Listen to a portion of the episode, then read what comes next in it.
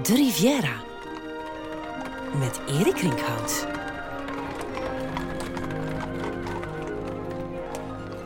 Vaak dacht ik me voor te stellen hoe het moet geweest zijn om op het eind van de 19e eeuw aan de Côte d'Azur te vertoeven.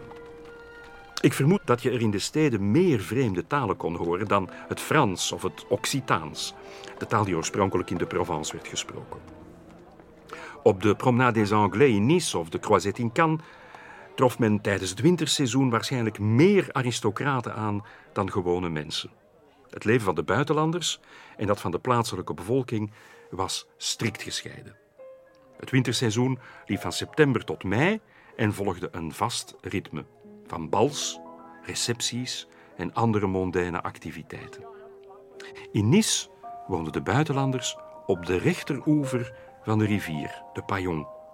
Zelden begaven ze zich op de linkeroever, in Vieux-Nice, wat men ook Nizza bleef noemen.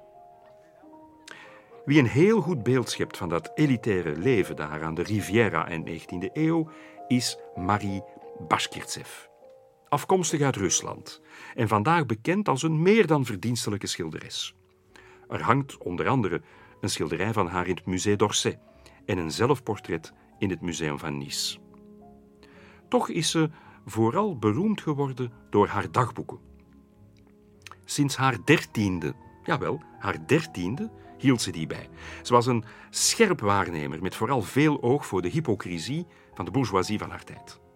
In de jaren 1870 verblijft ze samen met haar gescheiden moeder en een tante die de weduwe is van een rijke Romanov een aantal keren in Nice.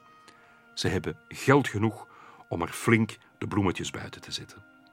Er wordt een villa gehuurd aan de Promenade des Anglais. En aanvankelijk maakt de stad op Marie een paradijselijke indruk.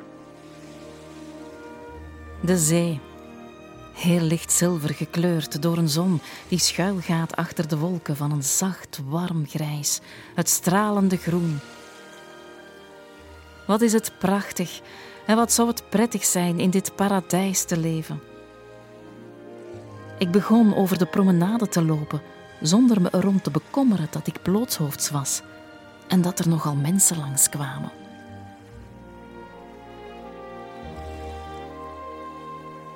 Ja, blootshoofds, zonder hoed.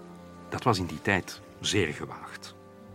Ook vanuit haar raam kan Marie perfect in het oog houden wie er zoal over de Promenade des Anglais voorbij rijdt.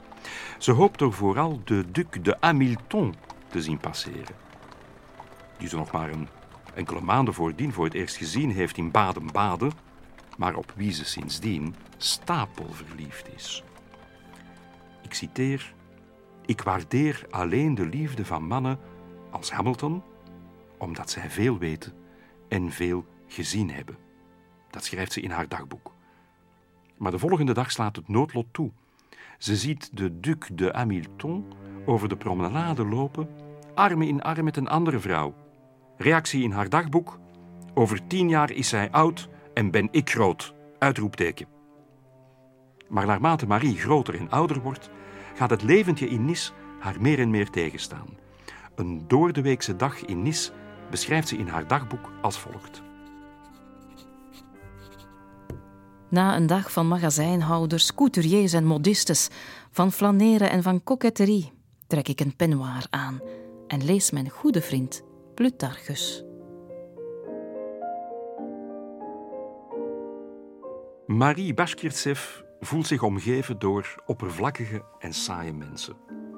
Het is vooral de leegloperij van de aristocratie, inclusief die van haar eigen familie, die haar stoort. Een bijkomende frustratie is dat de Bashkirtsevs ook niet helemaal aanvaard worden in de hogere kringen van Nice. Uitnodigingen voor bals of salons vallen maar raar of zelden in de bus. De reden daarvoor is dat de familie te weinig aanzien heeft. Om te beginnen is er al geen pater familias, wat toch noodzakelijk is om een beetje fatsoenlijk over te komen. Een gescheiden vrouw, een gefortuneerde tante, van wie het fortuin dan nog betwist wordt, en een tienerdochter. Nee, dat is niet het volk waarmee je gezien wil worden. Alle pogingen om voor Marie een geschikte huwelijkspartner te vinden, draai dan ook uit op een mislukking. Marie ziet zelf maar één oplossing: beroemd worden. En als het even kan, het liefst als zangeres. Want op die manier, denkt ze toch, zouden de mannen haar wel zien staan. Als onze lieve Heer wil zorgen dat ik mijn stem behoud, haar sterker en groter wil maken, dan kan me de triomf ten deel vallen waarnaar ik hunker. Dan kan ik de voldoening smaken beroemd te zijn, bekend, bewonderd. En langs die weg kan ik diegene krijgen die ik bemin. Als ik blijf zoals ik ben, heb ik weinig hoop dat hij me zal beminnen. Hij weet niet eens dat ik besta.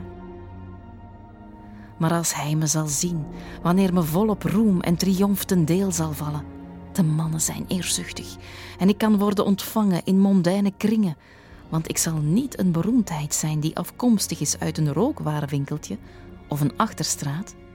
Ik ben van adel. Ik hoef de handen niet uit de mouwen te steken, mijn middelen zijn toereikend. Dus zal ik nog meer roem oogsten en het zal me gemakkelijker vallen veel te bereiken. Zo zal mijn leven volmaakt zijn. Faam, roem, overal bekend te zijn.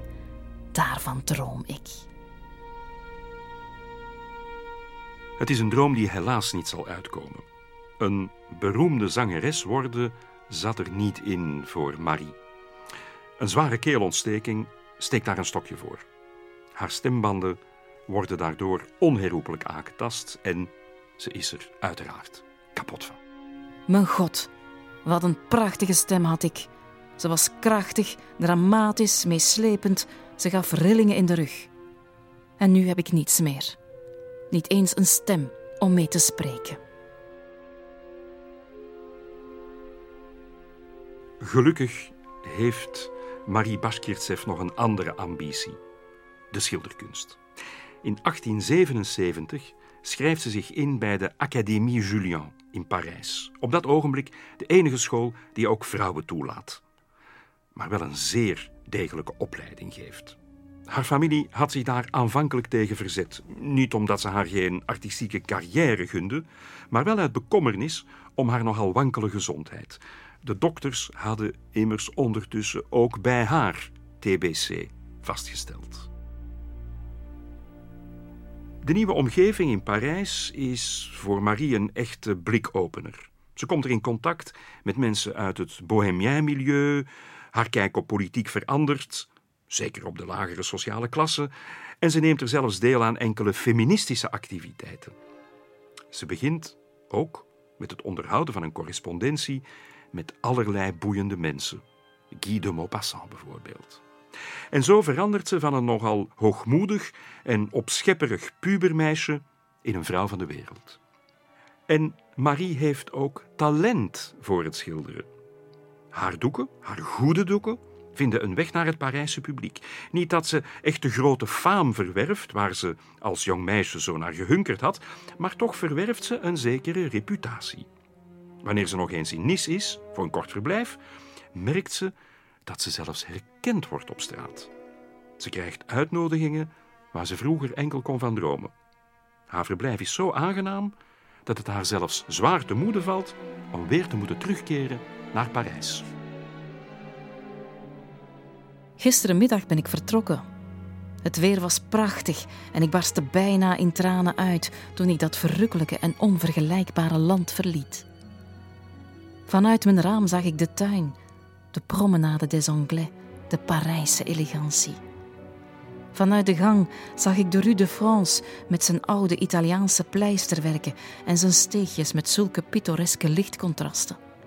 En al die mensen kennen mij. Dat is juffrouw Marie, zeggen ze als ik voorbij loop.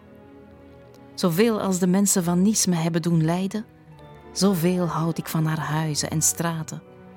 Uiteindelijk is dit mijn land maar ik ben ertoe veroordeeld om overal weg te gaan.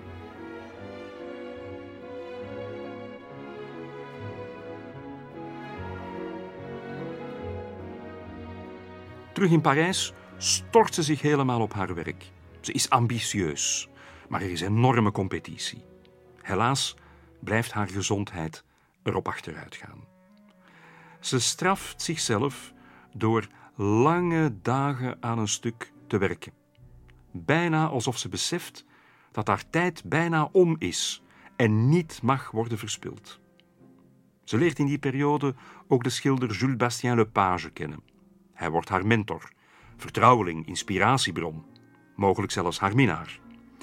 Lepage leert haar ook om verder te kijken dan haar rijke levensstijl en moedigt haar aan om mensen te observeren en af te beelden die het financieel minder goed hebben dan zijzelf.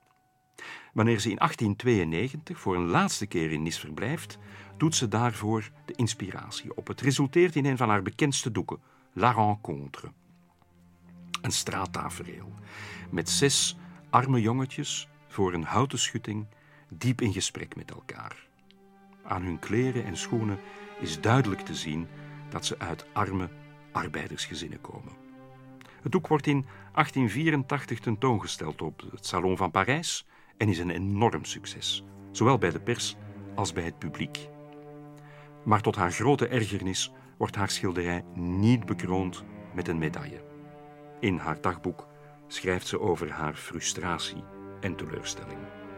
Ik ben buitengewoon verontwaardigd omdat werken die eigenlijk nogal pover zijn, toch prijzen hebben ontvangen. Er is niets meer aan te doen.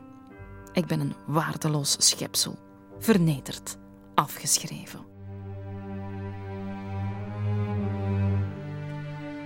Marie gelooft rotsvast dat een medaille van de salonjury haar zou helpen onsterfelijk te worden.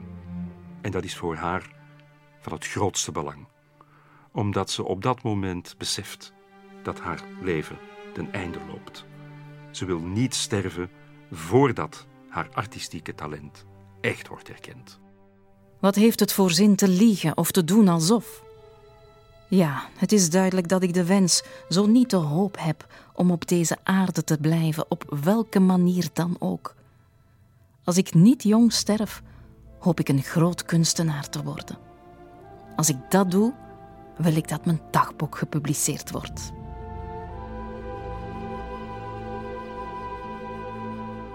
Vier maanden na dit bericht, op 31 oktober 1884, sterft Marie Bashkirtsev in Parijs.